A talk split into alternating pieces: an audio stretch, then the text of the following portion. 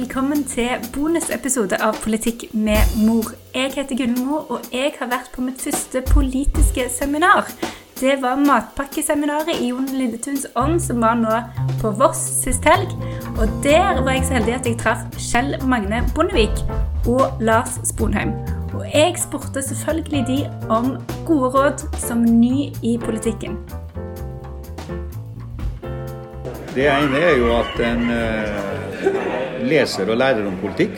Ja. Sånn at når en tar ordet, engasjerer seg i ulike forsamlinger, så viser en at eh, en kan noe.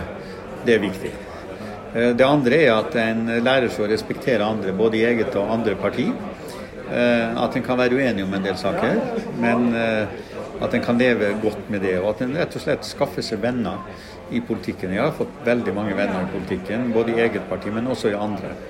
Og det nyter jeg godt av den dag i dag, også som eh, pensjonist. Eh, og så, en, så finner en fort ut at en må søke samarbeid med andre.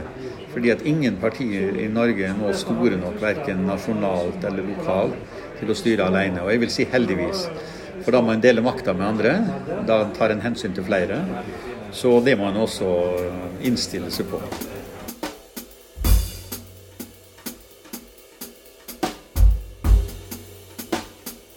Ja, gode råd for noen nye i politikken. Ja. Da vil jeg dele et råd jeg fikk tidlig i mitt politiske liv. Eh, Det var i valgkampen i 93. Jeg satt tilfeldigvis siden av Rune Gerhardsen, sønnen til Einar Gerhardsen. Og etterpå så drakk vi kaffe, og da sa han til meg Jeg lærte av far at politikk, det handler om å forstå når saker har en symbolkraft langt utover eh, sakens realiteter. Og den gode politiker, den ser de sakene som har en symbolkraft som symboliserer mye mer enn det saka i og for seg handler om. Den har jeg brukt og levd med i alle år.